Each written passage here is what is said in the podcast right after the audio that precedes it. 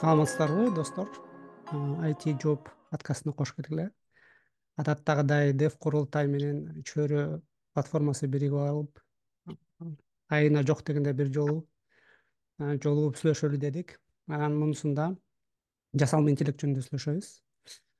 Жасалма интеллект эмне каяка жетти кандай коркунучтары бар кантип колдонсок болот ким колдонуп атат ким эмне кылып атат ким эмне жөнүндө иштеп атат? Аябай хайповый тема.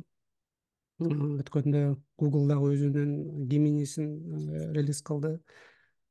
Тиги опен айдын директору дагы э, өзүнчө стив джобс болуп атат. Жумуштан кетип кайра жумушка келип баарын коркутуп. Иши кылып ызуучулар көп. Ошол жөнүндө бүгүн сүйлөшөлү. Бүгүнкү конокто тимур туратали. Ошол жасалма интеллект менен көп иштеп атат салам тимур кош келдиң. Саламатсызбы беке дагы бир польшадан конок калыс осмонов технологиялардын эң алдында жүрөт ар дайым. Биткоин башталганда дагы биринчи биткоин менен аралашып жүргөн. Азыр болсо ошол дев курултайда ар кандай жоопторду жазып ар кандай ошол чат gptден дагы э, промпторду жазып э, кызыктуу нерселерди жиберип атат. Салам калыс. Салам салам биз менен мурат жумашев. Өткөндө келе албай калды. Мунусунда кошулду. Код жаз долбоорун азыр алдыга жылдырып программчыларды көбөйтүп атат. Вот код жазууду колдонгула салам мурат. Салам салам. Э, буюрса дагы жакында курстарга кошулат азырынча мындай аянып чыга элек пайтон курсу бар бирок абдан жакшы промо болуп атат. Биз менен дагы султан иман тоже технократ э артындагы артындагы сүрөтүн байкагыла салам саламат анан бир аздан кийин балким турат мырза кошулат ошол анан кыскача в принципе уже менин кошуналарым тик токтогу видеолорду кошуналарым чатына жиберип баштады. Эй моундай чат gpt бар экен колдонуп көрүңөр беле дегенчи. Хайп ушунча жетти да баягы биткоин башталганда тыш программист биткоин жөнүндө түшүндүрүп берчи деген болуп калды баары эле айтишник болуп кетти баары эле чат gpt колдонуп теоретически баары чат gptни уже билиш керек болчу. Колдонуп уже эч ак эмеш керек болчу. Бирок байкашымча кээ бирлер жок дегенде вот менин курсумдан азыр бүгүн тема болду. чат gptни колдонгула дегенде баары биринчи жолу регистрация кылып ай сонун турбайбы? жакты депчи айтып атам мен мага берген сурооңорду барып ошого берип келгиле деп айтып атам анан кыскача жасалма интеллект бул эмне азыр? Баарыңыздарга салам бирок менин өзүмдүн көз карашым боюнча азыркы деңгээлдеги жасалма интеллект бул жасалма интеллект эмес.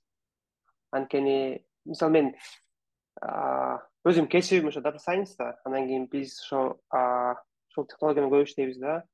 Анан технологияны түшүнсөң сен баягы эми бул математика да эч кылса математика карасаң бул жасалма интеллект эмес азырынчачы бул көбүнчө андай сен бул математикалык формула анан ошого кичине маалымат кошкон ошол маалыматты ал кандай десем ошол формула карап туруп сага эң керектүү сөздү берет да.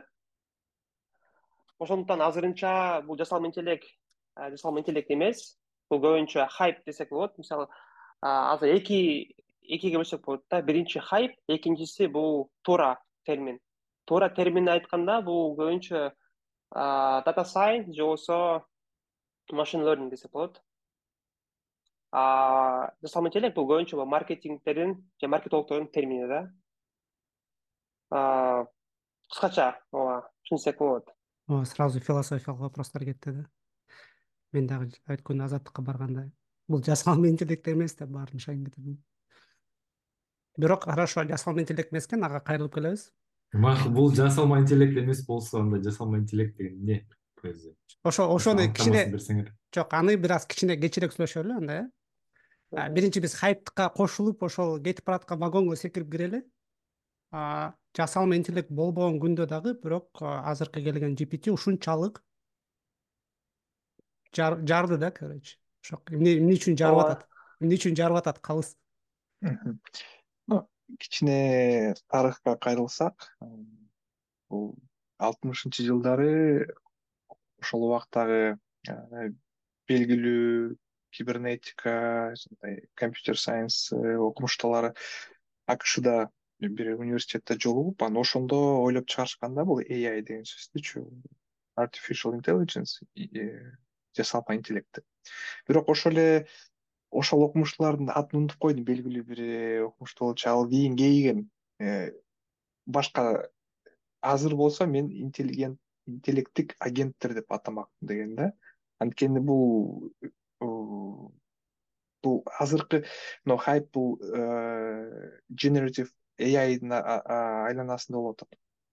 Бир контентти жасаган жасалма интеллект боюнчачы же жасалма интеллекттик агенттер боюнча а буга чейин эле бул программисттердин арасында ai көбөйүнүп бараткан.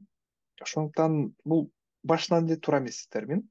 Анткени кишилер ойлойт бул интеллект болсо өзү ойлонот кийин адамга окшоп өзүн алып жүрөт экен деп жок андай эмес.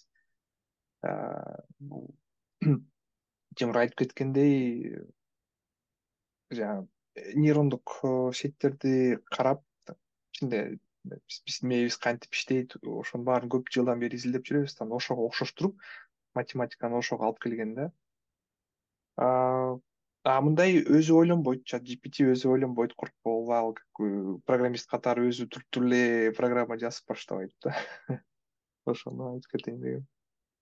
Аныктамасы кичине окшошуп келатат бул жасалма интеллект эмес бул агент э? эми ошого аныктама берели ошондо муратка сөз. Азыркы э, элдер айтып аткан жасалма интеллект дегенди аныктасак эмне бул? Кантип колдонсо болот? Аныктамасын бериши мындай так бериш кыйын окшойт бирок бул жасалма интеллект дегенде бир когнитивдик функциясы бар. Кандайдыр бир адам сыяктуу ой жүгүртө алган эми ой жүгүртүү деген дагы бул эми өзү биз өзүбүз деле билбейбиз да мисалы мээбиздин ичинде ой жүгүртүүдө кандай процесстер жүрөт экенин бирок эми ошо адам сыяктуу адамга мындай мимика кылып алган ошо адамга окшоштуруп сөздөрдү айкалыштыра алган ушундай программа түрүндө жазылган агенттер десе болот го. Бирок бул жерде мындай деп айтышат да? Эми бул деген стахастик бул жанагы тотугучтардай эле жөн эле адамдар туура берет депчи. Анда ошол эле нерсени алып туруп адамдарга деле айтсак болот да? Биз деле адамдар болуп мына телевизорду көрүп отурабыз көрүп отурабыз анан туруп крым биздики деп коюп жүрүшөт да жактачы эми биз деле ошо тотугучтардай болуп көргөн уккан нерселердин баарын эле айтып алып жүрөбүз да тарыхта окуган мектептен үйрөнгөн нерселердичи биз деле ошол эле сыяктуу эле иштеп атабыз да мындай бирок математикалык формула дегенде мүмкүн бизде деле ошого жакын формуласы мүмкүн азыр анык жакшы формула чыга электир бирок бизде деле балким ошо мээбизде ошондой процесстерди математикалык формулага алып келсек болот да. Бул эми реверс инжиниринг сыяктуу бир аракеттер болуп атат. Бирок көрөбүз го мына жакын арада жанагы чоң суперкомпьютер австралияда иштейт дейт мээнин иштешин репликация кылган көрөбүз? Ошол бул мындай өтө чоң өтө татаал тема окшойт мына аныктамасын берип анан баарысын тиги кызыгыбыз да кетип атышат да ошо мен азырынча мындай жакшы оюнду мындай айта албайм окшойт. Анын үчүн өзүнчө бир аябай даярданып бир эссе жазып анан кийин келбесем жакшы мүмкүнчүлүк болду. Эссени баштай берсең болот. Мен эки миң он төртүнчү жылы германияга келгенде шефим инновационный отделде иштечү молдованин. Анан айтат давай жүрү барып жасалма интеллект жасайбыз. Аи деп анан c sharp үйрөн деп анан ошол жактан немеде германияда страховка бар. Германиянын баары страховка менен иштейт. Анан ошол жакта тиштин страховкасы бар. Анан ошону форманы толтурасың да анан ал айтат давай ошону биз бот кылып жазайбыз чат кылып анан ошол жактан адамдар мен тишим ооруп атат дейт анан тиги жооп берет да. Анан ошонун кодун жасап баштаганбыз анан аныкы мындай болчу да. Эгерде сен фамилиясын сурасаң анда мындай жооп бер эгерде сен муну сурасаң анда мындай жооп бер. Эгерде сен муну сурасаң анда мындай жооп бер деп. Анан ошонун баарын отуруп жазып чыкканбыз бизнес аналитиктер болуп. Болгон клиент сураган нерселерге ар кандай түрдүү жооптор да ошондо блок схема да муну сураса бул жооп бер буну сураса бул жооп бер. Анан менин оюмча ошол жүрүп отуруп мына сен ырас мурат супер компьютер жакшы айтып кеттиң. Ошол жазуу деген нерсени генеративдүү бат э, дүйнө жүзүндө интернетти карап бүт баарын бир секунд долю секундада жооп таап ошол жоопту сураган нерсеге мэч кылып коюп койгон да. Ошол нерсе азыр жасалма интеллект болуп атат да. Кыскача айтса ооба бирок бул жакта өзүнүн сөз бар го фраза devil in the details дегенчи бул жакта аябай көп баягы тонкий моменттер бар да детальдарычы ошо алып салсак кыскача ооба азырынча ушундай болуп жатат да. Маалыматты алып ошол маалыматтан эң керектүү нерсени алып чыгуу да. Сенин ошо берген текстиңе карап же промптуңа карап. Анан ошол нерсе азыр ушунчалык өнүктү ошон үчүн хайп болуп жатабы же эмне үчүн азыр хайп болуп жатат ошол нерсе? Чын айтайын мен айтып кетти мисалы калыс мырза ошо алтымыш жылдан баштап жасалма интеллект өнүгүп келатат ушул эле технология gpt трансформер технология эки миң он жетиде чыккан. Андан кийин эки миң он тогуз мен биринчи жолу баягы трансформер менен иштегенде бул бар болчу. Мисалы сиз текстти бересиз ошол текстти биркимдей саммари кылып кыскартып же ошого сөз улантып берет да ушул бар болчу. Менин оюмча бул open ai эмне кылды? Бул open ai бир технологияны алып туруп ошол технология сизге бүт суроолорго жооп бере алат да. Буга чейин болсо компаниялар ар бир ар бир моделдин өзүнүн максаты болчу мисалы бир модель сизге шекспир түрүндө эпос жазып берет мисалы экинчи модель жомок айтып берет open болсо ал бир бир эмени алып туруп эле технологияны алып туруп ошого бүт нерсени үйрөтүп койду да андан кийин экинчи эмне кылды open бул ошол технологияны массага алып чыкты. Азыр ошо ошол эки нерсе аябай жасалма интеллектке нерсе түрткү болду да. Анан элдер кызыга баштады. Бирок бул эки миң ошо он тогуз бар болчу. Ошол маалда эле open кылган иш бар болчу да. Мына мындай экен да короче стив джобс келип сэм альтман тиги неме менен инвесторлордон илон масктан акча алып анан стив джобстой баары жазып аткан нерсени мына мен сонун кылып жаңы жасап чыктым деп туруп чат gpt деп атын коюп туруп анан интернетке чыгарды анан элдин баары вау сонун экен ушундай болду э. Султан кандай деп ойлойсуз бул эме да божомолдогон үмүттөрдүн баарын натыйжасы деген баары сонун нерселер күтүп жаткан болуп атат да ошо. Анан маркетологдор ошону алат да. Ошону алат да тилге салат. Ой жүгүртөт мындай сонун экен депчи менин оюм боюнча бул жасалма интеллект бул кичинекей баладай эле да. Аны колунан алып үйрөт үйрөт эметмей үйрөтүп жүрө берсең көбөйүп өнүгүп өнүгүп жүрө берет бирок бул жасалма интеллект эми бул натыйжасы мындай чат gpt андай мындай деп атабыз бирок алтымышынчы жетимишинчи жылда деле андай эме статистикалык эме жактан мүмкүнчүлүк бар болчу бирок техникалык жактан мүмкүнчүлүк жок болчу. Андай андай изилдөөнүн баары ошо отуз кырк жылдан бери чогулуп келип анан кийин кульминациясы эки миң он он беште башталды да анан жанагы сам альтмандын айткан эме бир чети жакпай туруп эми адамдын культун илон масктай ортого коюп алып чуркаганына эмете береничи сам альтман эми менеджери мындай карасаңчы.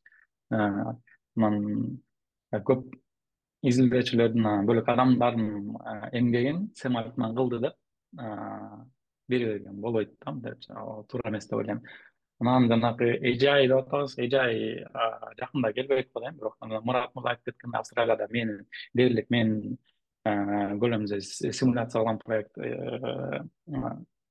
ишке ишке ашып ийгиликтүү иштеп баштаса ошондо дагы тереңирээк түшүнүктөр пайда болот го дегендей дагы изилдөөлөр пайда болот.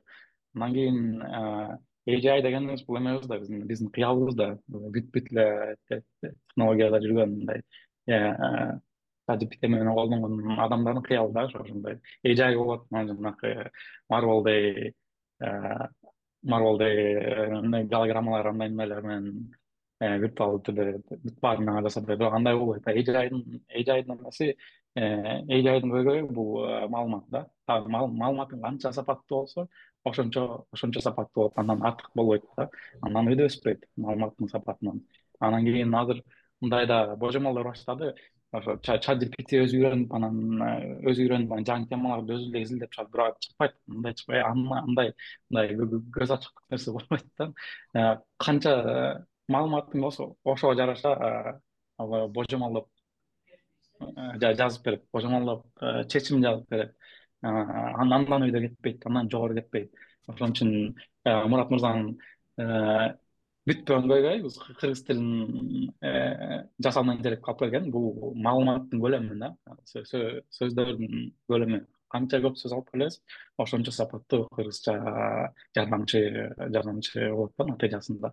Анан дагы бир нерсебиз жакпайт. Биздин кыргызча жактан аябден дата сеттери көп нерсени жабык кылып салганы макул эми авторлук укуктар корголсун бирок ошонун негизги түптөгөн ачык ачык болуш керек деп оюм бар да. Анан дагы айтып кетерим бул эме тимур тимур мырза айтып кетпедиби модельдер биринчи эки миң бешинчи жылдары специализациядан башталган депчи азыр генерализация моменти өтүп баратат э бүт болгон дээрлик модельдер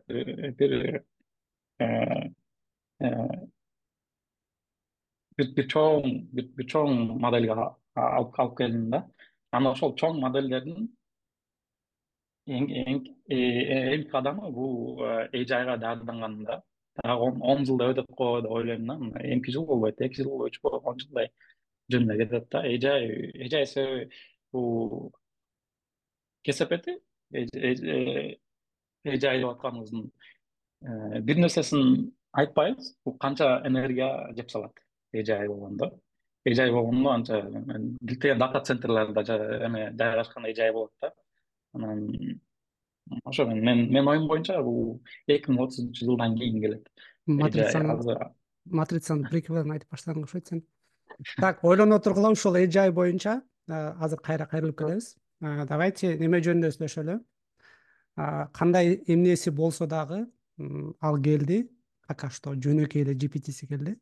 Бирок ошонусу эле уже эле давайте сүйлөшөлү. Ошол азыркы убакта кандай жетишкендиктерге жетти уже аи стартаптар жөнүндө кандай уже аилер бар.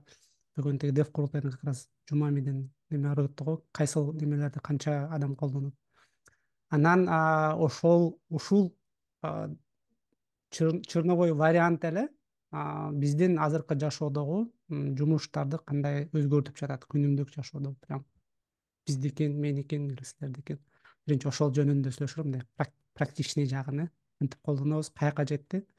Анан кайра философияга кайрылып келебиз. Эмне үчүн жай жакшы же жаман мен баштай берсем болобу албетте эртеден бери. Эми эртеден бери эмес мен күнүгө эле колдоном да. Чат gptни дагы жана жыйырма доллардыгын алгам. Анысынын дагы лимити төнүп калып атат кээде мисалы мени азыр чектөө коюп койду. Сен өтө көп колдонуп салдың депчи. Өтө көп колдонуп салган себеби мен билбеген технология менен иштеп атам да. Мен билбеген технология бул жанагы геоинформационный система деп коет эмеспи гис геоинформациялык система жанагы карталар менен иштөө мисалы жолдордун кесилиштери боюнча жолдорду туурап чыгыш керек да бишкек шаарында анан ошол боюнча суроо берсем мен мисалы нөл да ал жактан эч эч нерсе билбейм. Анан кийин ал алса мага пост гис менен пост гистин функцияларын колдонуп ошо жолдордун кесилиштерин боюнча туурап бергенге скрипт жазып бер десем жазып берет анысы улам иштебей калат бир жерге барып чалынып кетет. Иши кылып код жазганды билбеген адам мен азыр кандай кыйналып атсам ошондой кыйналат окшойт деп ойлоп атам да. Эгерде код жазганды билбей келип туруп ой жасалма интеллект азыр баарын сонун жазып коет десе андай менин оюмча азыр эртерээк окшойт. Элдин баары колдонуп жүргөн аябай популярдуу технология болсо менин оюмча тез эле жазат. Эгерде мондай дүнү жүзүндө код азыраак болсо жанагындай гис системалар боюнча же болбосо бир эл көп колдонбогон бир жаңы технология болсо аны чат gpt жөн эле билип кетип эле баарын жасай бербейт экен бирок эми retrieval augmented generation деген бар мисалы базада мындай билим базасын туташтырып коесуң ал болсо маалымат ошол жерден издеп туруп анан могу сага туура келет окшойт деп мындай чоң билим базасынан издеп таратып коет. Ошондой мүмкүнчүлүктөрү бар экен. Ал жагын дагы алсак мүмкүнчүлүктөр укмуш мындай чексиздей көрүнөт бирок баягы чектөөлөр бар экен. Аны дагы бир аз колдонуп көрөт. Ошо ушул могу күнүгө колдонсо болот экен бирок азырынча эми программисттердин баары жумушсуз калат дегенден алысыракмын бүгүнкү күндө.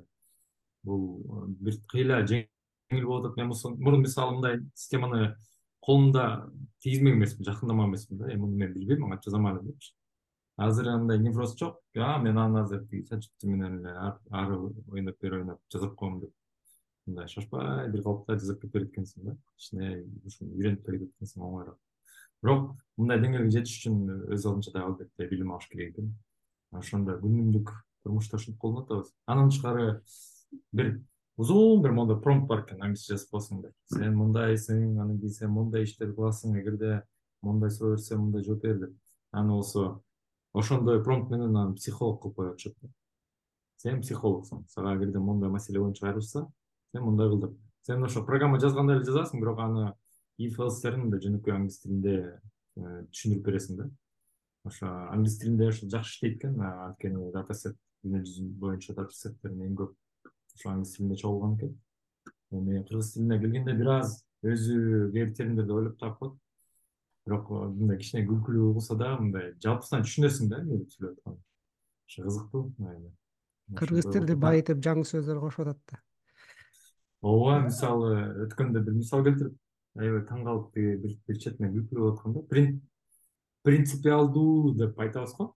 Принципиальный деген сөздөн принципиальный деген сөздөн мындай алып сүйлөй берет да мындай сүйлөй беребиз го ошондо бирок чат gpt жок клод экен. Чат gpt эмес клод клод принципчилдик деп айтты да. Принципиальность дегенде принципчилдик деп айтып койду анан мен ошол бул терминди гуглдан алды окшойт деп гуглдан издеп көрсөм принципчилдик деген сөз жок экен гуглда мындай. Гугл серч тапкан жок. Бул өзү мындай ошого мындай паттерндер көрүп көрүп көрүп ошону үйрөнүп кеткен аябай мага кызык болду да. Принципчилдикти интернетке чыгарып мен жаңы сөз таап чыктым деп жазып койсоң сеники болуп калат ошо мен дагы мурат агайдын эмесинен э, илхам алып мен дагы эме кылып баштагам. Колдонуп баштагам. Төртүнчү версиясын аны окутуш керек экен да азыркы мисалы мен колдонуп аткан технологияларды ал эме кылып атат даже typescriptтин версияларын адаштырат экен Э, библиотекалардын версияларын адаштырат экен. Короче мен эметкен мен ойдогудай колдоно алган жокмун да. Вот өзүңдүн баягы алгоритмдериңди кадам кадам менен жасатып алсаң болот экен. А так мисалы могу библиотеканы колдонуп мондай кылып жаса дегенде уже жаман урдура берет экен да оюна келгенде. Ошондон ушундай нерсе нерсе бар экен. То есть мен күткөндөй эме болбоду результат болбоду себеби бул баягы э, сен айткандай матчинг менен эле иштейт да нлп короче бизди элестеткендей эме сырой экен да еще көп көп көп бар али чат gpt программисттерди сүрүп чыккангачы коркпой эле эме кыла бериш керек экен. Үйрөтүп атабыз да үйрөтүп үйрөтүп атабыз бирок көп нерсе ну дагы бир как минимум беш он жыл бар окшойт деп ойлоп калдым. Себеби тил жасагандар окутуш керек экен фреймворк жасагандар окутуш керек экен библиотека жазгандар окутуш керек экен ушундай экен да. Анан ушул библиотеканы колдонуп могу тил менен могу фреймворкту могуну жасап бер дегениңде уже сен ойдогондой эмени албайт экенсиң. Өзүңдүн алгоритмдериңди кадам кадам менен айтсаң жасап берет экен сонун кылып. Ошол жерден эме болуп атат. Конфликт болуп атат экөөбүздүн ортобузда. Ушуну тастапай рахмат. Турат мырза келди бизге. Турат дагы аралашып жүрөт тема менен адамдар жакшы окутуп атат деле эми. Gptни окутуп атпаш керек турат рахмат. Азыр жумамедин мырза айткандай эми чат gpt же болбосо деги эле жасалма интеллект бул. Программисттерди азыр туруп туруп эле мындай бир сеньор программисттин ишин алып кое албайт да чынын айткандачы. Даже мидлдун делечи. Эми анча мынча таасир болушу мүмкүн. Мен ойлойм негизи бул программисттердин ишин алып коет дегенден да көбүрөөк ошол мурат байке айткандай дагы көбүрөөк бизге жардамдашып атат десек туура болот да. Анан сразу эле эми бул мындай айтканда азыр жаңы эле туулуп эми басканды үйрөнүп аткан бала да андан биз бир библиотеканын жумушун сураганыбыз. Бул менимче баягы үч жашар балага марафонго чурка деген сыяктуу бир тапшырма берип аткандай болуп калабы дейм да. Ошон үчүн бир аз шашылбашыбыз керек. Ооба дагы үйрөтүлсүн бышсын жетилсин бирок жеке менин өзүмө абдан мындай чоң жардамы тийип атат жасалма интеллекттердин ошол эле айрыкча мисалы бир слайд жасаш керек болгон болсок же бир темада макала жазыш керек болсок мурда мындай эч нерсе жок ак кагаз менен ручка менен баштайт элек да вордду ачып алып эмне деп жазсам? деп ойлонупчу. Азыр темаңды бересиң хотя бы подтемаларды даярдап берет да. Анан ошого карап мындай нолдон баштабай калдык да азырчы. Ишти ыйла жеңилдетти да. Кечээ технопаркта э, ошол бир айти жолугушуу болуп өттү эле. Анан ошол жерге спикер кылып чакырышыптыр. Анан айти окуунун э, кыйынчылыктары жана аны жеңүүнүн жолдору деген тема экен. Мен аны англисче кылып эле э, бир жасалма интеллектке берсем ал мага сүрөттөрү менен баардык нерселери менен мындай даяр слайдты берип койду. Мен аны алып туруп эле кыргызча которуп кичине э, өзүбүздүн ошол коомчулукка тууралап туруп эле нары жак бери жагын оңдоп түзөп ашып кетсе жыйырма минут убактым кетти бирок аябай сонун слайд даяр болуп калды. Мен өзүмдүн жеке э, мындай фантазиям менен жеке өзүмдүн креативим менен андай слайд жасай албайт элем да. Сөздөрдү кол жазышым мүмкүн бирок сонун ага ылайыктуу сүрөттөрдү кое албайт элем мындай жакшы жайгаштыра албайт элем. Мага ушундай темаларда жардамы тийип атканы бул кубандырат. Короче любой бирдеке болсо мага текст жазып бер промого мындай жазып бер сүрөт тартып бер анан тигини жазып бер логотип мындай. Бирөө келип айтат да мага логотип тартып берип койчу десе тиги жиберип кайра логотипин жиберип коем болобу ушундай болот деп элечи. Вот анан ошол кейстер аябай иштетип атам в принципе күнү бою колдоном анан жанагы промпт боюнча дагы менин угушумча жакында стор чыгат. Анан ошол сторго даяр gptlерди чыгарып койсок болот экен. Бир психолог бир программист. Бирок чындап эле жана илгери макромедиа дригвевер деген сыяктуу бар эле го. Сүрөт тартып берип койсоң сайтын жасап берет бирок коду ужасный деген сыяктуучу ооба текст жазып берет бирок тексти начар.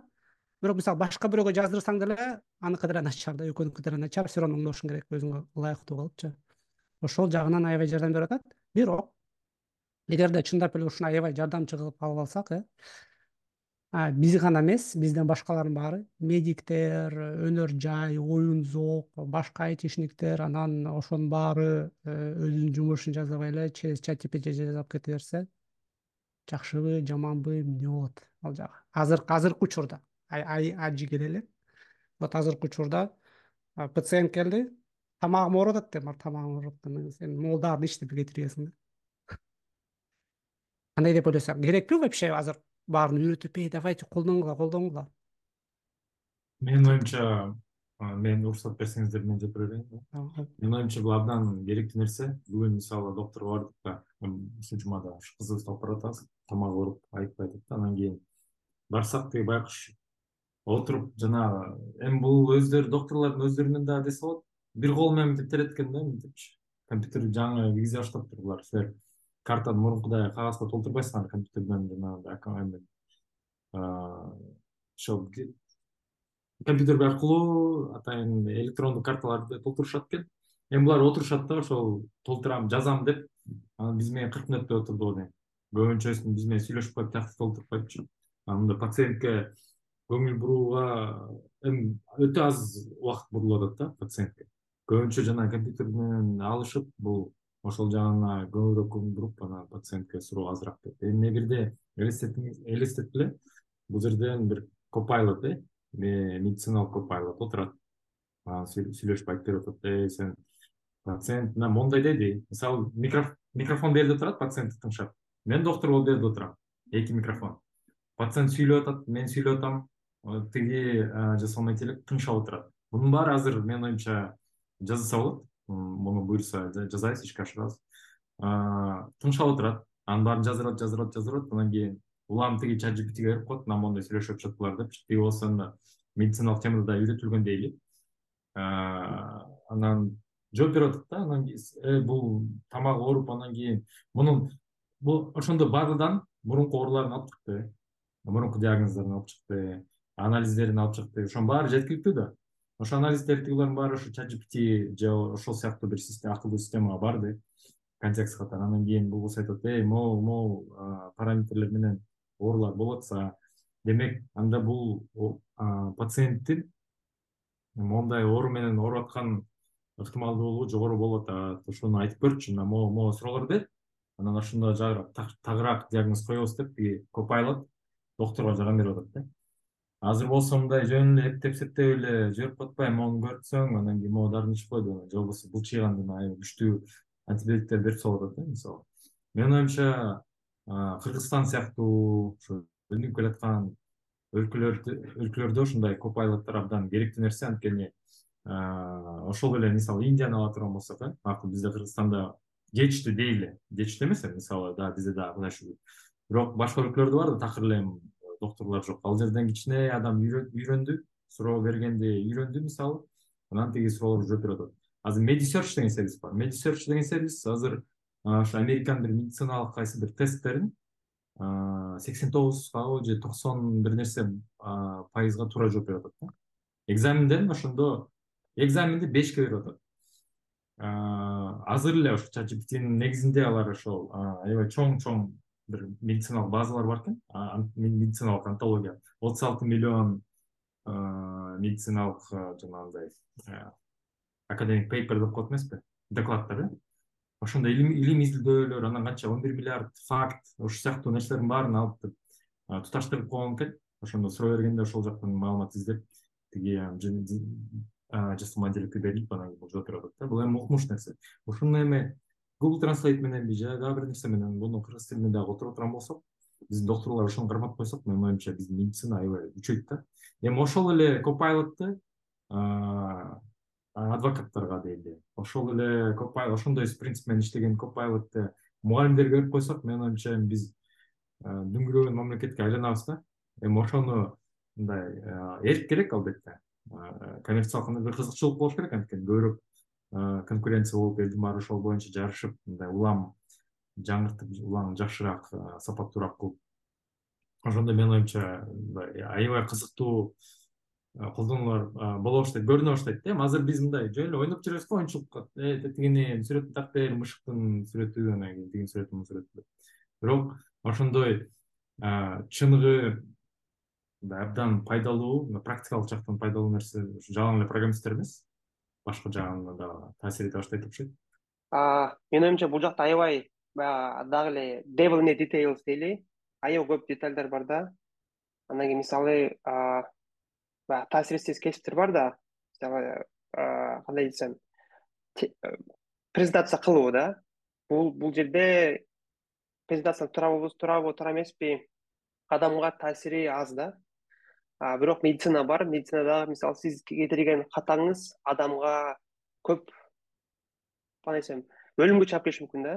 Анан кийин ушул жерде азырынча кандай десем эң чоң минус ген айдын минусу бул hallucination деп коет.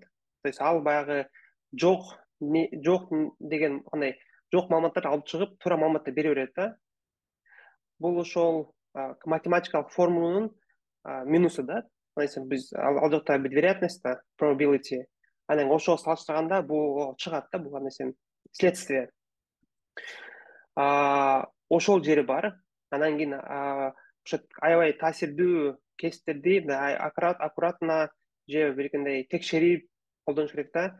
Же болбосо дагы чат gpt берсе дагы ошону бирөө менен валидация кылып анан кийин кандай десем независимый валидаторго берип анан кийин колдонуш керек. Ошол ошону айта кетейин дедим эле. Бул азырынча бул ошол эмени галлюцинацияны кандай десем оңдоп жатат. Уже мындай research paperде чыккан. Бирок дагы деле бар да. Ошону эске алып колдоно эле деген айтып кетейин дедим эле. Негизги ой эме да э, бул жумушубузду алып кетет же жашообузду абдан эле өзгөртүп салат деген коркунучтар бар менин оюмча. Коркпогула анткени мисалы ошо программалоонун эле тарыхын карап кетсек э, башта жанагы перфокартада жыштыктарды терчүү анан аны ассемблерге э, алмаштырды анан жанагы си паскаль basic э, сыяктуу жогорку деңгээлдеги деп коет программалоо тилдер пайда болду кийин оп пайда болду динамикалык типтүү тилдер аны менен кошо google издөөгө издөөнү таптакыр башкача кылды мурун китептерди окуп үйрөнсөк азыр бат бат эле издеп алып эме кыйла жеңилдетти кийинки кадам бул ушул copilot chat gpt э, жана perplexity io дегендер. Бирок э, азыр вебде браузерлерде ассемблер бар веб ассембли деген. Ассемблер эч жака кеткен жок калды. Си ну там паскаль basic жок basic колдонулат паскаль билбейм си колдонулат эле. Оп келип бирок тиги процедуралык тилдер эч жака кеткен жок дагы эле бар.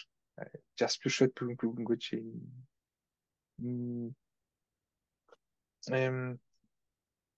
Эми эме да? Буга чейин колдонулган технологиялар эч жака кетпейт. Мүмкүн жанагындай перфокарта кетет анткени чынында ыңгайсыз нерсе. Сунуштаганым баарын изилдеп туруш керек. Чат gpt жаңы чыкса ошону колдонуп көрүп эмне кыла алат эмне кыла албайт изилдеп. Мисалы бүгүнкү күнгө эмнени айтам кичинекей кичинекей маселелерди берсе жакшы чыгарып берет. Чоңураак кыйыныраак маселе берип койсо эметип баштайт. Туура эмес жоопторду берип. Азыркы жумушум шарттары эме жыйырма пайыз код жасам сексен пайыз бул документация жасам. Англис тилинде англис тилин жакшы текшерет. э, текшерип бер десем э, оңдоп берет баарын грамматикалык каталарды таап. Ошол а медицина боюнча эми ibm watson ал бирок ал эксперттик система деп бул generative ai эмес а machine learning колдонгон системалар бар. Негизги суроо бул эме ким жоопкерчиликти алат ката кетирсе. Бул технология эмес а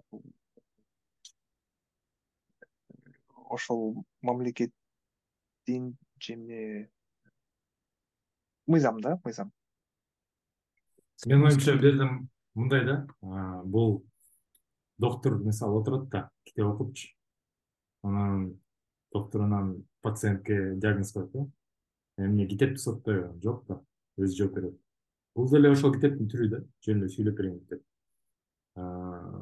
толугу менен эле ошол жасалма интеллектке баары ишенип эле ошол айткан нерсенин баарын жасай берсе анда бул доктурдун өзүнүн мүнөзү болмок да менин оюмча ошондой принциптерди карманса болот бул copilot деген аябай жакшы copilotдун кыргызчасы жардамчы пилот э экинчи пилот жанагы самолетти айдаганда экинчи пилот эмеспи ошол сыяктуу эми бул ошондо экинчи пилот биринчи эмес. Экинчи пилот жооп бербейт биринчи пилот жооп берет биринчи пилот бул доктур өзү. Тиги жардамчыны укту анан өзү отуруп ойлонуп ойлонуп чынында моундай кылса да болот окшойт деп анан сиз деле эми доктурлар бизде сапаты эми канчалык жакшы экенин өзүңөр билесиңер. Иштеп аткан сапаты анан эгерде ошондой жасалма интеллект ошо жардамчылар кошулса балким сапаты ушу көрсөткөн кызматтардын сапаты жогоруласа анда менин оюмча анын ылдамдыгы көбөйсө менин оюмча бир топ эле жакшы эле болот окшойт. Эми мунун баарын дагы мындай пилот кылыш пилоттук бир программа кылып бир жыл мүмкүн бир эки жыл ошо көрүш керек да тест кылып. Ошондо анан кийин менин оюмча мындай илимий изилдөөнүн негизинде анан айтса болот дейм ошо бул пайдасы тийдиби тийбедиби деп.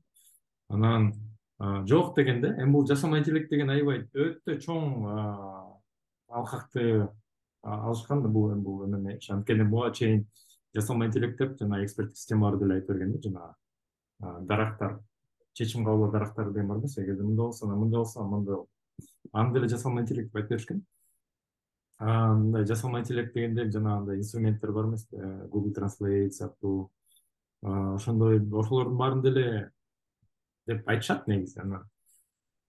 Иши кылып докторлорго азыр ошол кичинекей нейрондук тармактар менен жасалган нерселерди ошо турмушта колдонуп болот да эми азыр менин оюмча ошо технология ушунча өзгөрүп кетти. Менин оюмча жанагындай гугл транslate сыяктуу системаларды азыр жасалма интеллект деп атабай деле алышат окшойт жакын арада. Бирок ошондой нерселерди азыр турмушка акырын акырын киргизе берсек менин оюмча пайдасы аябай жакшы эле тиймек мен ушул ушул жерден тар жер окшойт да биздин системанынча. Биринчиден биздин медицина өлгөн анан биз врачтарга жакшы ишенбейбиз вот анан ошол жактан балаң ооруп атканда температурасы көтөрүлүп атканда биринчи врачка барбайсың барып интернеттен карайсың эмне кылам депчи? Эми бара бара врачка барбай gptден сурайт эмне кылам депчи? Анан жанагындай конспирологический немелер башталат прививка алба анан көр. Казакстан болуп атпайбы.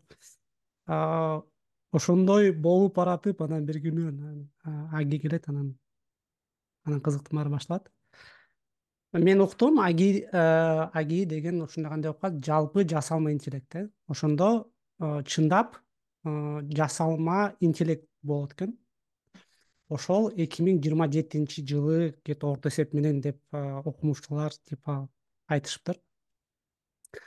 Анан жанагы биз кинолордогудай матрица башталат. Электричество жетпей бизди баарыбызды алып киргизип анан терминатор менен уруш баштайбыз. Вот анан айтып атышат да вот эгерде чындап жасалма интеллект келсе аны биз ушунча үйрөтүп үйрөтүп үйрөтүп отуруп анткени уже мындай баарыбыз билип атабыз да ошо жасалма интеллект келет экенин. Уже технологиялар даяр болуп баратат бир убакытта ал точно келет жакын калды да.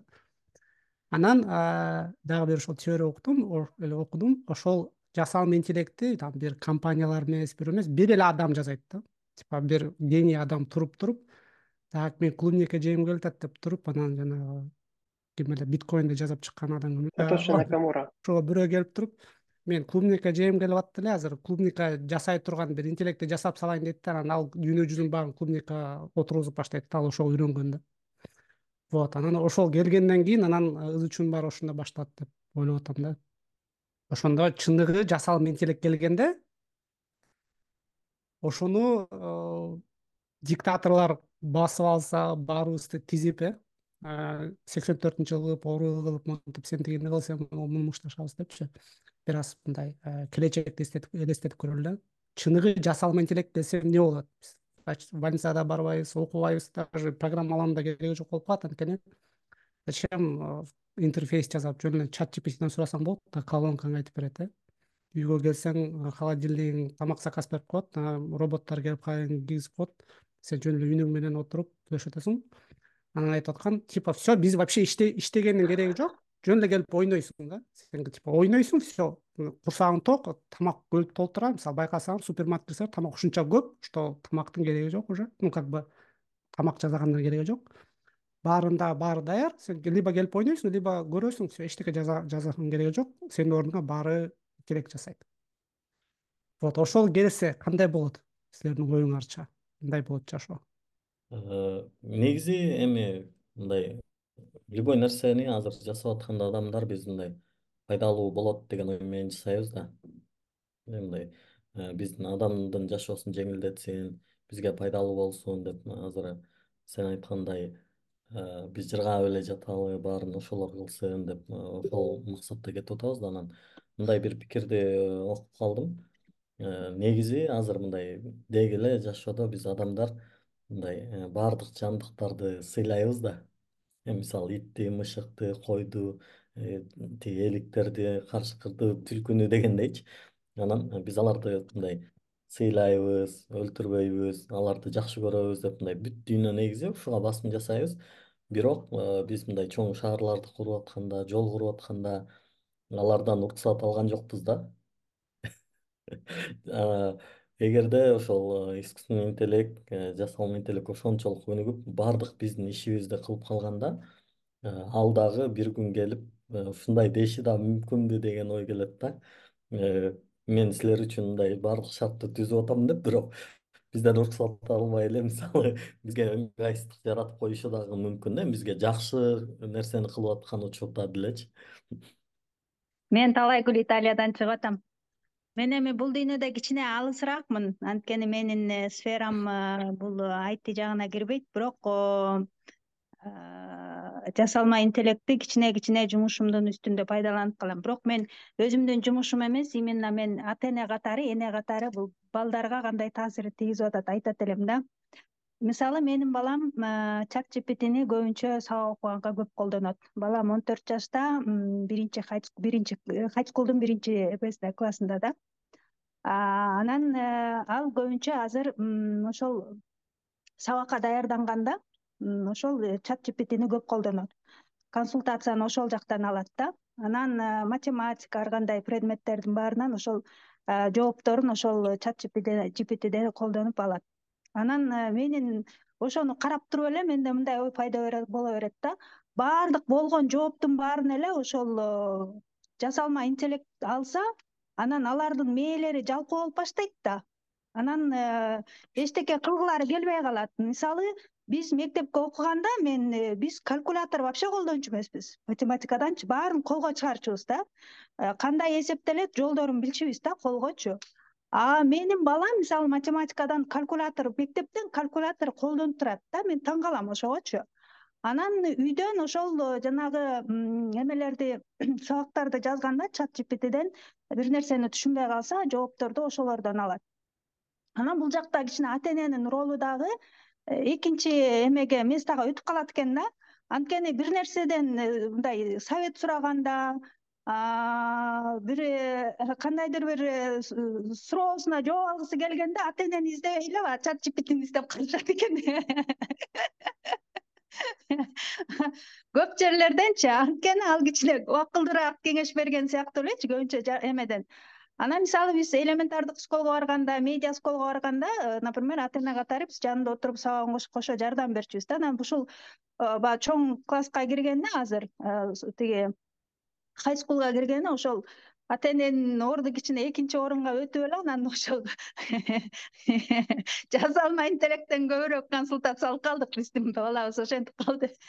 Анан менде дагы ошондой ушундай көп суроолор пайда болуп атат да. Биз канчалык деңгээлде бул мээнин жалкоолугун алып келет. Биздин канчалык деңгээлде келечегибиз. Ошол ошого мындай аябай көнүп алып анан э, бир күнү ал деле бир мындай немени кнопканы басып өчүрүп койгондой эле бир өчүп калса кандай болот деген сыяктуучу анан алар аябай интеллект болуп интеллектуалдуу болуп кетип анан адамдын аң сезиминен да өтүп кетип анан алар башкарып калабы адамдарды депчи. Анан бирок эми конечно ага жеткирбесе керек. Э, биз кыргызстандын деңгээлин билбейм бирок европанын деңгээлинде кандайдыр бир закондорду киргизишсе керек да лимит койгончу.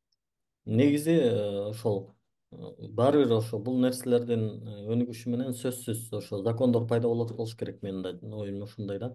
Э, эми бул мындай муктаждык да антпесе болбойт го дейм. Европада закон чыкты. Eu ай акт деген. Вот анан европа аябай бюрократичный эмеспи. Ошонун кесепетинен европада бир нормалдуу стартап жок аи боюнча баары америкада кытайда жакында жакында дагы болбойт го дейм азамат мырза. Болбойт регулировка болуп атат. Эми э. ошол ошол жөнүндө биз сүйлөшүп атабыз да бул технология келди и бул уже кирди и ага каршы эч ким чыга албайт бул менин очки тагынгандай да. Мен телефон көтөргөндөй э, все э, талайгүл айымга неме жаңылык. Ошол технология келген себептен көп адамдар уже ошол технологиянын ичинде инстаграм тик ток карасаңар баары телефон менен жүрөт эч ким ойлонгусу келбейт. Интернет реферат көчүрүп алуу ойлонбоо бул баары бар уже бизге кереги жок иштеп тынч отуруп эле жумушка барасың айлык аласың киресиң ойнойсуң отурасың тик ток көрөсүң тартасың кетесиң бүттү. Вообще ойлонбой эле койсоң болот да эч ким сени эчтеке дебейт мээсинин жалкоолугун алып келет да бир күнү ошол уже алып келди жалкоо уже баары жалкоо уже как бы ал факт да. Э, эми биздин суроо биз ошол ошол технологияларды жакшы үйрөтөбүз деп атып чтобы бизди еще көбүрөөк жалкоо кылсын алмабуш озмотович деп атып анан биз или бир гениалдуу адам ойлоп чыгат ошол технологиянын максат коюп үйрөтөм депчи. Анткени ал технологияны регулировка кыла албайт экенбиз. Канча миллион жолу кылсак дагы анткени сен үйрөтөсүң да сен точка а менен точка бга батыраак барышың керек десе ал түз барбай жолдун баарын талкалап батыраак барат да. Айтасың эле жок сен түз барбай кичине жолдо правилалар менен мындай мындай бар десең арты менен барып киргизип салат да ошондуктан эмнеси болупса да кантип регулировка кылбасак дагы бирөө келет дагы дүйнө жүзү боюнча клубникалар айдап салат. Анан мен просто клубника жегим келип аткан дейт да. Белгилүү ютубер веритасиумдун эмеси чыгарылышы бар. Бул нерсе билим берүүнү өзгөртөт деген. Анан ушул фраза тиги китеп чыкканда газета чыкканда радиону ойлоп чыгарганда телевизор компьютер интернет э, там google жанагындай корсware чыкканда улам улам кайталанып келатат. Бирок э, жанагындай э, досканын жанында эже мугалимди эч ким алмаштыра элек бул дагы бир аспап колдонгонойчу мисалы google катары эле колдонуп калабыз жашоо эме билим берүү өзгөрбөйт. Эме уже билим берүүнү ошо өзгөртүш керек го дейм. Анткени азырынча баягы маалыматты жаптап айтып берүү бул ошо жыйырманчы кылымдын билим берүү системасы да.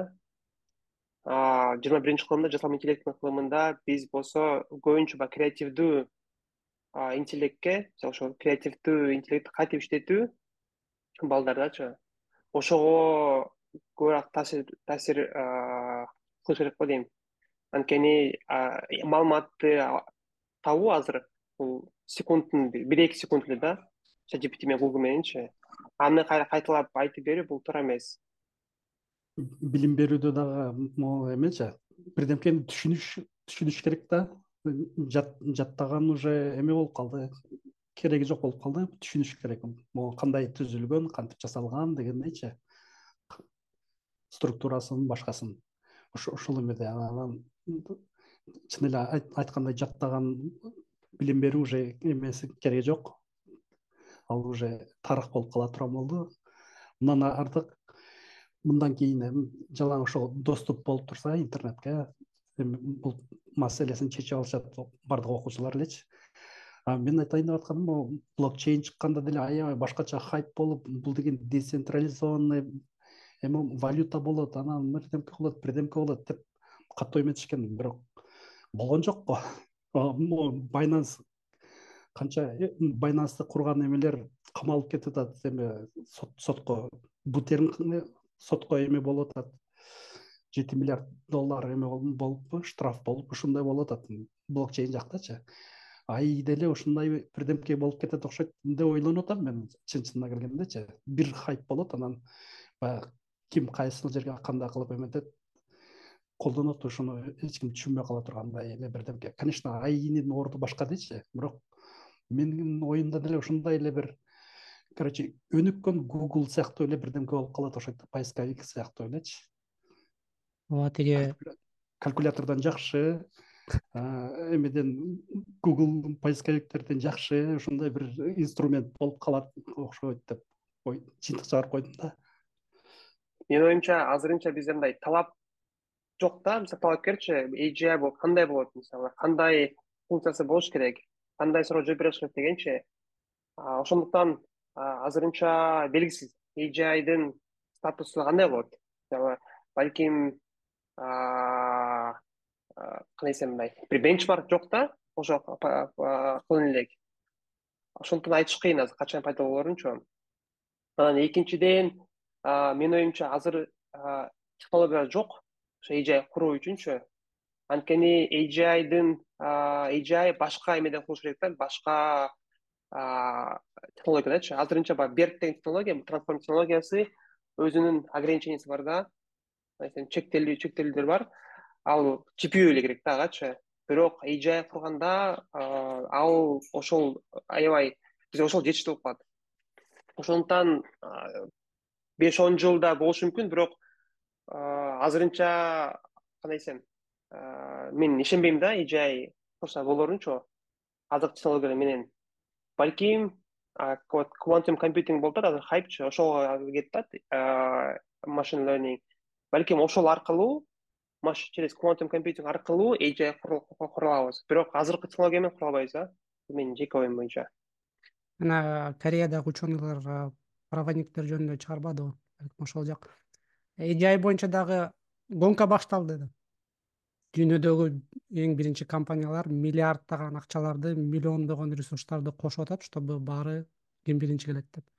Тиги сэм альтмандын дагы кетип анан кайра келиши дагы ошол болду окшойт э. Ал өзүнүн эжи идеялары менен келди эле анан берки совет директоров жок жок андай болбойт деп аны кетирди анан анын акчасы менен кайра келди анан ал баштайт биякта болсо тиги илон маск нейро чип кылып атабы мээге чтобы биз окуп анан угуп отурбай сразу через мээ менен компьютерге туташып отуралы депчи. Мен мен да бул теманы кызыгып жүргөм да. Канткенде жасалма интеллект өзүн өзү өнүгө баштайт деп бул жана AGI деген бул буга чейин талкууларда мындай айтылчу да. Өзүнөн өзү улам күчөп өзүн өзү үйрөтүп кайра мисалы өзүн өзү үйрөтүп бир чип жасап ал чипти колдонуп кайра өзүнүн мындай өзүнө дата центр куруп дата центрден кайрадан дагы күчтүүрөөк модель чыгарып анан андан ары ушинтип бул өзүнөн өзү гүлдөнүп кетеверет депчи. Менин оюмча андай максат өзүнүн максаты жок болсо андай жасалма интеллект өзүнөн өзү күчөп кете бербейт да бир максаты болуш керек. Бирөө орноткон максат бирөө айтып берген же болбосо өзүн өзү ошол максатка келип анан иштей баштайт. Азыр болсо жөн эле бир бир суроо берсең жооп берип коет анан бирок эч нерсе кылбайт да бирок чыныгы биз жана коркуп аткан биз талкуулап аткан балким бирөөлөр күтүп аткан AGI деген ошол өзү автономдуу жана кинолордогудай жана мен роботмун деген кино бар эмеспи жана ошондо жардамчылар басып жүрөт го андан кийин адамдарга жардамчы болуп жүрүшөт бирок башка аларга зыян келтирбеш керек деген сыяктуу бир мыйзамдар бар. Бирок андай чынында жакында келбейт болуш керек деп болжолдосок болот. Жакында бир жаңы принципиалдуу бир жаңы бир чиптер чыкпаса э мурунку чиптер боюнча кала берсе ал өтө кымбат өтө электр энергияга көп талап кылган чиптер болуп атат. Ошон үчүн азыр мындай бир алысыраактай көрүнөт да бизге. Бирок ал жаңы чиптер качан чыга келет экенин биз эми айта албайбыз да. Андай бир нече стартаптар бар экен ошол эле жанагы open ai дагы элүү миллион доллар берип ошо стартап стартаптан ошо чип алабыз деп атышат. Көрөбүз го кандай болуп кетерин. Мен айтайын дегеним бул эвристикалык императивдер деген нерсе да. Дэвид шапиро деген ютубер бар. Кызыктуу темаларды козгойт да. Анан өзү дагы мындай эксперименттер жүргүзүп анан аябай ой толгоп анан ошо кичинекей кезинде фантастика кинолорду көрүп өсүптүр да. Болжол менен бир биз курактуу адам анан кийин ал ошо универсалдуу императивдер деген түшүнүктү чыгарды сунуш кылды. Ал эгерде ошондо автономдук машина жасай эстесек анда биз ошо үч принцип беришибиз керек дейт да. Бул кандайдыр бир биз адамдар бир моралдык компасыбыз бар эмеспи адамдарда же мындай бирөөлөр мындай дин жагынан кармаса бирөөнүн өзүнүн ишенген дагы бир нерселерине принциптерине таянса бул машинаныкы да ошондой бир принциптер болуш керек дейт да. Ошондо мисалы анын максатынын бирөөсү универсалдуу азап кыйынчылыктарды азайтуу э дүйнө жүзүндө. Ага чейин мындай gpt эки чыгып көргөн чыкканда ошол суроону бергем дейт да.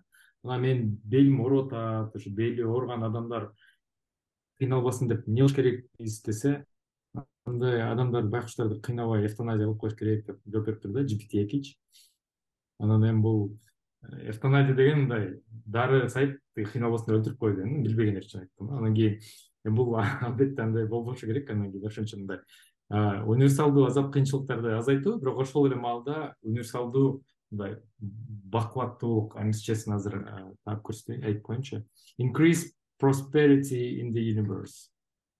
Ошо бүт универсалдуу деп туура эмес которуп салдым универсалдуу эмес бул бүткүл ааламда бүткүл ааламда азап кыйынчылыктарды азайтуу бүткүл ааламда байлыкты бакубаттуулукту арттыруу анан ааламда түшүнүктүү түшүнүүнү жогорулатуу. Түшүнүүнү деген ошондо increase understanding in the universe.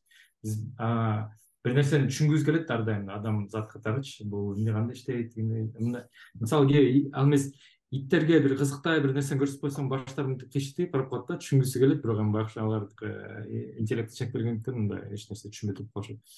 Эми ушундай сыяктуу принциптерди тиги ошол машиналарга берип койсок ошо бир кандайдыр программа түрүндө ошо максаттар коюп койсок анда ошондо булар аябай өнүксө дагы адамдарга зыян келтирбеген түрдө өнүгөт деп сунуш кылып атат да бирок менин оюмча ошондо деле ошолорду берип койгондо деле канчалык бул тез өнүгүп кете алат. Балким ал болсо менин өнүгүшүм могу үч максатка карама каршы келет деп өнүкпөй коеттур балким туурабы? Ошон үчүн менин оюмча дагы бир э, максаттардын бири коюш керек. Бул инстинкттер сыяктуу да. Биз эмне үчүн биз өнүгүп кеттик? Эмне үчүн эволюция ошондой болуп кетти? Анткени бизде инстинкттер бар. Өзүбүз бир тирүү калайлы деп жан сактайлы деп аракет кылып үй салып анан дагы бир куралдар жаратып ушинтип атабыз да. Эгерде андай инстинкттер жок болсо бул машинада менин оюмча машина өнүгүүсү деле кереги жок агачы мен менин оюм ушундай жеке оюм. Как раз ошол жер болуп атпайбы инстинкттер жаныбарларда деле бар бирок адамдар жаныбардан айырмаланып интеллект бар да. Анан ушул интеллект келгенден баштап адамдар аябай өнүгүп кетти да дүйнө жүзүн басып алыпчы анан роботтор дагы ошондой э, эч нерсе билбейт. Анан бир күнү аларга интеллект келет. Анан алар дагы дүйнө жүзүн басып алып баштайбы. Менин оюмча бул инстинкт деген инстинктти репликация кылган программаларды ошол эрежелерди аскер багытындагылар жасашат согушта колдонобуз деп анан ошондо жатакан башталат да буга сөзсүз бул жанагы гейм theory деген эмеспи? Бирөө баштап алса биз баштап алсак тигилер баштап кетет деп анан баары жараша баштады. Азыр биз биле элекпиз ушундай көп уга элекпиз э бирок бул багытта эми элдин баары жанталаш жасап атат да кытай баш болуп мисалы. Оптимус робот роботтөрдөрү тесла чыгарган. Кара күзгө болуп кеттик э? Макул анда бул теманы акырындап жабалы дагы өзүбүздүн жерибизге келели кыргызстанга кыргыздардын программчыларына. Биз эмне кылып атабыз ошол жактан? Аи боюнча жасалма интеллект боюнча машин learning дата аналитика жана башка ушундай сыяктуу тимур жакшы жооп берет окшойт э? Ошол жакта жүрөсүңбү аралашып аракет кылып атабыз кыскача айтканда. Биздин азыркы максат бул open source түрүндө жасалма интеллектти өнүктүрүү деген максатыбыз бар. Ошо акыл ай деген долбоор бул.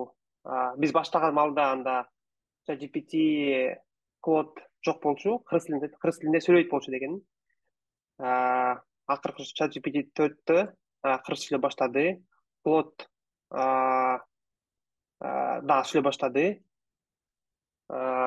Бирок алардын тилкинде open source эмес. Ошол бизге аябай кандай минус атат да анан кийин биз ошо комьюнити катары бул комьюнити data science комьюнити кыргызстана ошол ошол комьюнити аркылуу биз open source кылып жатабыз азыр бизде азырынча мисалы кандай долбоорлор бар акыл айдын ичинде эле бир эки үч долбоор бар да бул акыл ай бул кандай десем бул акыркы мындай десем эң маанилүү долбоор ал маалда биздин акыл ай уже кыргыз тилинде сүйлөй баштайт мындай десем чат gpt түрүндө бирок анын ичинде эле бизде азыркы учурда мисалы нер кылынды? Бул нер баягы тексттеги эле мисалы тексттин ичиндеги ар бир сөздүгү тег коюп чыгат да. Бул мисалы президент бул мисалы жердин аты жана башка депчи. Ошол кылынды андан кийин биз азырынча эмени кылып атабыз гет деп коет бул кыргыз тилине каталганда т т тогуз т девит ошол кылып жатабыз модель куруп анткени биз көргөн чоң маселе бул чат gptде же клоддо грамматикалык каталар көп. Анан биздин акыл айда дагы чыгарганбыз акыл дагы каталар абдан көп. Ошондуктан биз азыр гекти кылып жатабыз жакында кудай кааласа чыгарабыз. Ошо келечекте ошону кылгандан кийин биз акыл дагы башынан үйрөтүп башынан маалыматтарды дагы өзүнүн моделди дагы open source кылып чыгарабыз. Ошол чоң максат. Азырынча бизде маселелер толтура. Маалыматтан баштап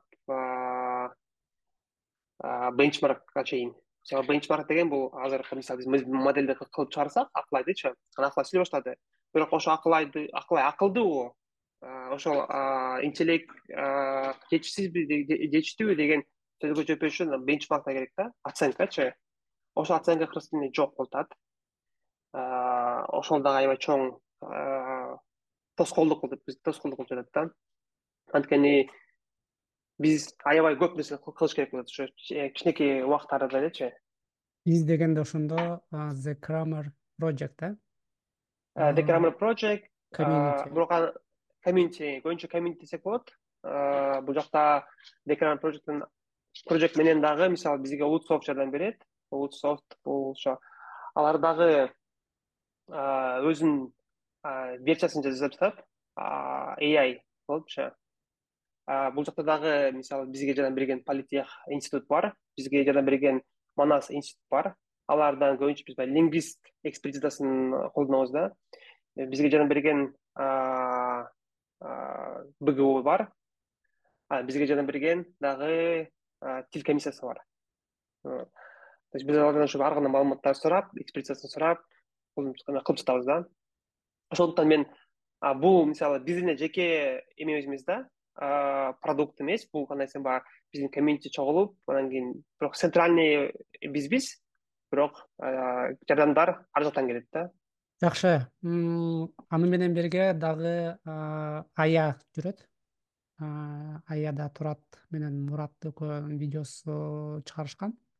Ал жакта эмне болуп атат? Эмне иштер кылып атасыздар ушул долбоордун келип чыгышы мындай да. Кохир деген компания бар америкада. Бул жана гуглда иштеп трансформер деген модельдер архитектурасы чыкпадыбы ошол негизинде могу чат gpt ар кайсы дагы модельдердин баары иштейт. Ал авторлор ошо авторлордун бири ошо айден деген киши да ал ошо кохир деген компанияны ачып анан ошол жасалма интеллект жазып атат ал дагы анан алар ошо дүйнөдө ушу дүйнөдөгү алдыңкы жүз тил боюнча маалымат топтой издеп долбоор жасашкан ая долбоорун ая долбоору деген биз жана чат gptден суроо берип анан жооп алып атпайсызбы? Ошондой жыптарды түзүү долбоор да. Биз мындай бир ана бир уюм катары коомдоштук катары баарыбыз жабылып келип эле системасына киребиз анан ал жерде жаза баштайбыз моундай суроо болсо моундай жооп бер дегендей элечи мисалы мага алыкулов алыкул осмоновдун чыгармасынан мындай гүл жөнүндө бир үзүндү жазып берчи десең андан болсо мисалы бир бир куплетин алып келип чаптап бер дейт э мисалы жооп катары ошондой сыяктуу же болбосо могу могу макалды түшүндүрүп берчи дегенде бул макал моуну түшүндүрөт анан ушул сыяктуу мисалы адам баласы үйгө киргенде мурда үйдөн чыгып бара жатканды ойлошу керек деген макалды түшүндүрүп берчи деп сурасак бул макалда иштей баштаардан мурун анын аягы же натыйжасы кандай болоорун дайыма эстен чыгарбаш керек. Ушул сыяктуу бир түшүндүрмөлөрдүн баарын жазып түшүндүрөбүз да ушундай тексттерди төрт миңди салышыбыз керек болчу. Суроо жооп катары анан беш миң текшерүү болуш керек болчу. Баарыбыз ошо жабылып келип ошо төрт миңден ашырып койдук. Анан текшерүүлөрдүн дагы бир топ көп болду. Он миңден ашып кетти э турат мырза жакшыраак биле турушат статистикасын иши кылып биздин ошо кыргыз коомдоштугубуз ошо ая долбоорунда ошо эң алдыңкы тилдердин арасына кошулдук да. Биз аябай жигердүү катышып мындай кичинекей коомдоштук болсо дагы мындай ресурстар анчалык көп эмес болсо дагы аябай катышып ушунчалык мен күткөн эмесмин да бул көбүнчө ушу турат агайдын жазылмандары окурмандары окуучулары баары катышып аябай алдыга сүйрөп кеттим элдин баары таң калып эле калышты бизди улам мактап мындай болгонун күткөн эмеспиз деп аябай мактап айтып беришти да. Анан бул эң негизгиси эң бизге жакканы эмне үчүн мен аябай үгүттөгөнүм? Бул дата сет open source болуп ачык болот ачык болгону жалаң эле илимий иштер үчүн эле ачык эмес. Коммерциялык максатта дагы колдоно турганга колдонууга шарт түзүлгөн лицензия менен apache эки деген лицензия менен чыгат ошол жакынкы айларда ошол пейпер илимий иш катары жазылат экен. Анан булар ошол жасалма интеллектти үйрөтүшөт экен анан анын арасына ошо кыргыз тили дагы ошол биздин суроо жоопторубузга таянып дагы кошулат окшойт. Булар өзү жана ти беш беле же икс беш беле өнүп калдым. Ти беш болуш керек аталышы гуглдун жанагы модели ушу жүз бир тилден турган модель экен. Арасында ушу кыргыз тили дагы бар экен. Ошо ошол модельди негиз кылып анан ошо үйрөтүп атышат.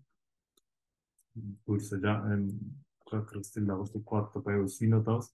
Эми ушундай долбоорго илинип калганыбыз балким дагы башкалар үчүн дагы кичине башкалар башка ошол эле open ai болобу дагы лама сыяктуу долбоорлор болобу кыргыз тилинде корпус бар экен деп мүмкүн эң базалык модельдерине чыгара баштаса бизге пайдасы кыргыз тилине пайдасы аябай эле зор болот деп ишенип ошо турат агай дагы өзү аябай көп көңүл буруп бул долбоор жөнүндө маалымат жайып анан ушунча эки жүз элүүдөн ашык киши чогулуп калдык да. Сонун болду буюрса азыр мындай аябай кубанып атабыз мен мындай чынында ушу ушундай бир мүмкүнчүлүк келгенде анан жетишпей калып дагы эле байкуш баягы кыргыз тили дагы деле бир жерге кирбей калып анан кыргыз тилинде маалымат дагы эле жок болуп ушинтип жүрө беребиз го деп аябай коркуп өтө көп таратканга аракет кылдым. Анан командага рахмат. Азыр ошол мурат байке айткандай эки багытта жардам бербедик баягы биринчи багыты бул кирген тексттерди текшерип берүү да. Бул боюнча биз жалпы дүйнөдөгү баардык тилдердин арасында экинчи орунда турабыз да. Ушунчалык аябай көп тексттерди текшерип салдык. Биз себеби мындай баягы комплекс болуп калса керек да. Э, каяктан эле кыргызча маалымат алсаң бүт эле ката чат gpt ката сүйлөп атса клод ката сүйлөп атса анан туура кылалы деп ушунчалык берилип баарыбыз э, текшерип салып экинчи орунга чыгып калдык. Негизи бирге деле аябай жакшы аракет кылдык. Бир аз бир аз э, жетпей калдык. Биринчи орунда турган тил мындай башында эле аябай катуу кетип калган болчу да. Ошон үчүн ага бир аз жетпей калдык. Текст киргизүү боюнча дагы бизге ошо төрт миң текст киргизилиш керек болчу. Баягы немеден өтүш үчүн лимиттен бизде болсо алты миң алты жүз кырк тогуз текст суроо жооп киргизилип бул жалпы ошо дүйнөдөгү тилдердин арасында кыргыз тили жетинчи орунга чыгара алдык да. Бул дагы биз үчүн аябай сыймык болду. Анан тиги кохир дагы ая дагы иштегендер аябай шок болуп калышты. Атайын биз үчүн зум уюштуруп еще баягы мен биздеги программисттерге көп айта берет элем. Аябай күчтүү программист болсоң эртең америкадан бир компания сени жумушка чакырыш үчүн сага кыргызча кат жазганга туура келет депчи. Ушул аяда көрдүк да биз ушунчалык катуу иштегендиктен алар ушул ушундай эле зум жолугушууну түз англисчеден ошол кыргызчага которуп берип тургудай кошумча бир нерселерди издеп аябай оораланышты да ошол нерсе эле бизди аябай бактылуу кылып койду да. Ошо мындай көңүл буруп кой кыргызчага которуп берели аларга жеткиликтүү болсун деп биз кыргызча сүйлөгөндө дагы дароо англисче түшүнө берели деп аябай аракет кылышты мен жолугушууга катыша албай калдым тилекке каршы пландалган жумушум бар эле. Кандай болду билбей калдым. Бирок э, мен ойлойм баардыгы жакшы болду деп э, чындап мындай кыргыз тилдин ордун бир жолу аябай даңазалап алдык да э, мурат байкеге рахмат. Анан командага дагы дагы бир жолу рахмат айткым келет. Аябай жакшы иштер болду. Сонун болду. Мен ушунча ыраазы болдум да. Мен ушу коомдоштукта адамдарга ошо адамдар менен таанышып калганыма да аябай ыраазымын буюрса дагы мындан дагы башка долбоорлордо могу тимур мырза болуп баарыбыз ошо чогуу алып барып ошо чогуу бири бирибизди куттуктап дегендей ошо салым кошуп атканыбыз кошуп атканыбыз аябай сонун болду мурун деген эми интернет деген анчалык өнүкпөй социалдык тармактар анча өнүккөн эмес үчүн окшойт. Биз мындай чорабек байке мен мындай саналуу эле адамдар болчу да. Ушул багытта аракет кылганчы анан кийин эле бири бирибизди таанып кетип эле ошондой таанышып калганыбыз аябай сонун болду буюрса дагы иштешебиз менин оюмча эки жүз эмес бир эки миң эки миң адам жөн эле чогулуп калат деп ишенем да. Учурунда google translateке салым кошуп атканда ушундай комьюнити жок ушу zoom жок мындай мен деле ошондо салым коштум эле бирок ошончолук мындай сонун адамдар иштеп атканын билбептирмин да. Мен өзүм эле аракет кыла бергем да как будто мен жалгыз иштеп аткандай эле сезим болгон да. Э, анан өзүм бир сертификат алып эле анан ошо менен эле сертификат алдым деп эле калып кеткен болчумун да салым кошуп койдум деп анан типа эми адам аз болуп калдык окшойт жакшы болбой калды деп сезет элем. Себеби баягы гугл транслейттин деле абалын билебиз го кыргызча кыйратып которбойт. Эми барган сайын болуп келатат бирок э, кыйратпайт да. Анан бул жолу чындап ошол баягы комьюнитинин пайдасын аябай жакшы көрдүк. Ооба. Ошо турат мырза да буюрса сени ошо ая долбооруна канал менен тааныштырып ошо коомдоштук менен тааныштырып коелу. Бул жанагы акыл ай долбоору ушу жана сиз айтып кеткен долбоорлорго дагы салым кошолу ошо иш уюштуралы. Ооба жакшы ырас жакшы нота менен бүтүрүп баратабыз. Ооба ошондуктан биздин коомчулук биригип ар кандай иштерди жасап жаратмандар көп бизде. Жалкоо эмеспиз кыргыздар жалкоо дей беребиз. Негизи баары эле жалкоо. Просто ошонун артынан биз өзүбүз кыргыз болгондуктан кыргыздар жалкоо дей беребиз да жок. Мээбиз жакшы эле иштейт. Технологияларды жакшы эле билебиз. Э, билбесек дагы үйрөнөлү деп аракет кылабыз. Вот ошондой жакшы маанай менен кирип аги келгичекте бир аз кызыктуу жашоону жашайлы. Анан аги келгенден менен дагы көрөбүз да кайсыл ким кайсыл жакта болот э вот ким эмне алып келип турат дегендей жыйынтыкты айланда жыйынтыктоочу сөздөрдөн баштайлы кайра жаңы нерселерди колдонуп өткөндө өзүмдүн блогумда жазгандай кырк миң жылдан бери мээбиз өзгөрбөптүр өзгөргөнүбүз колдонулган аспаптар өзгөрдү кырк миң жыл мурун токмок көтөрүп жүрсөк азыр марска роботторду мондай эайларды ойлоп чыгарып атабыз өзүбүз да ичибизди ич дүйнөбүздү өнүктүрөлү колдонулган аспаптарды өнүктүрөлү. Биринчиден мырза рахмат. Ошол бизди чогултуп бир платформа ичинде анан кийин ой пикирди бөлүшкөн үчүн. Экинчиден мен дагы айта кетейин ошо мен үч мамлекетте иштеп жашап жашап атам. Азыр үчүнчү мамлекетте. Анан кийин биз салыштырганда бирок биздин кыргызстанда могу комьюнити аябай күчтүү дейм да. Биздин баягы human capital аябай жакшы деңгээлде да. Анан кийин биз мамлекетке ишенбейбиз. Ошол эң эң эң жакшы го дейм. Мамлекеттен эчтеке күтпөйбүз да. Андан кийин аларга дагы эчтеке бере бербейбиз дагы аларга бизге да иши жок. Ошол абдан сонун го дейм. Анткени ушул себептен биз баягы чогулуп андан кийин өзүбүз кыла беребиз да. Ошондуктан биздин комьюнити аябай жакшы өнүгүп атат ошону биз мындай көп колдош керек го дейм. Көп түрткү берип колдоп андан кийин мындай ар кандай долбоорлорду баштай бериш керек. Анан үчүнчүдөн менин профессорум бар эле институтта. Ал дайыма сабак бүткөндө бир фраза айтат болчу да. Фраза мен ошо москвада окуп калдым. Орус тилинде в интересное время мы живем биз аябай кызыктуу мезгилде жашап атабыз деген да. Азыр ошо жасалма интеллект бул эң кызыктуу го дейм. Анткени төртүнчү аны айткандай промышленный революция бул индустриалдык революция мезгили. Анан кийин жасалма интеллект бул ошонун эмеси болот да баягы эң алдыңкы технологиясы. Ошондуктан келечек абдан радужный дейм. Менин оюмчачы анткени келечекте эмне болоруну кандай болоруну дүйнө аябай андай кыйын да представить көрүп ошо рахмат баарыңыздарга жумамедин ошол эми азыр биздин чат gptни жакшы өздөштүрүп эртерээк эмеге кирип кетели колдонгондордун катарына кошулуп эртерээк кошулуп кетели анан бүгүн бир клиент менен сүйлөшсөм короче ушундай жумуш бар жасап бересиң канча болот? деп айтканда баасын айтсам сен чат gpt менен эле жасайсың да эки эсе арзанга жасап бер деп эме кылат да. Наезжать этет анан ошого муну элдер угуп алып эме кылып атышат да. Кнопканы басып койсо эле жумуш бүтүп кала тургандай сезилип атат да. Мен чат gpt менен сөгүнүшүп отурганым менен иши жокчу. Пока бир аз сырой экен бирок эптеп иштетсе болот анан жакында буюрса. Э, күчөп кетет деген ойдомун ну андан дагы жакшы эмеге деңгээлге чыкса бул аябай сонун болмок. Күтө туралы процессте бололу.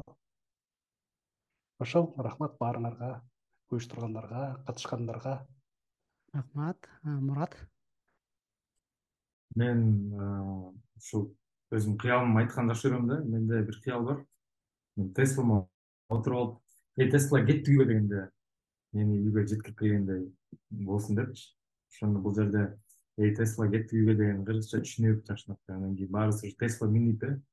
Анан ошо бишкекте жанагындай трафикти билебиз да биз. Кандай айдайбыз жолдор кандай ошондо дагы ошо жолдор түзөлөт жасалма интеллект машина өзү эле жүрүп калат депчи.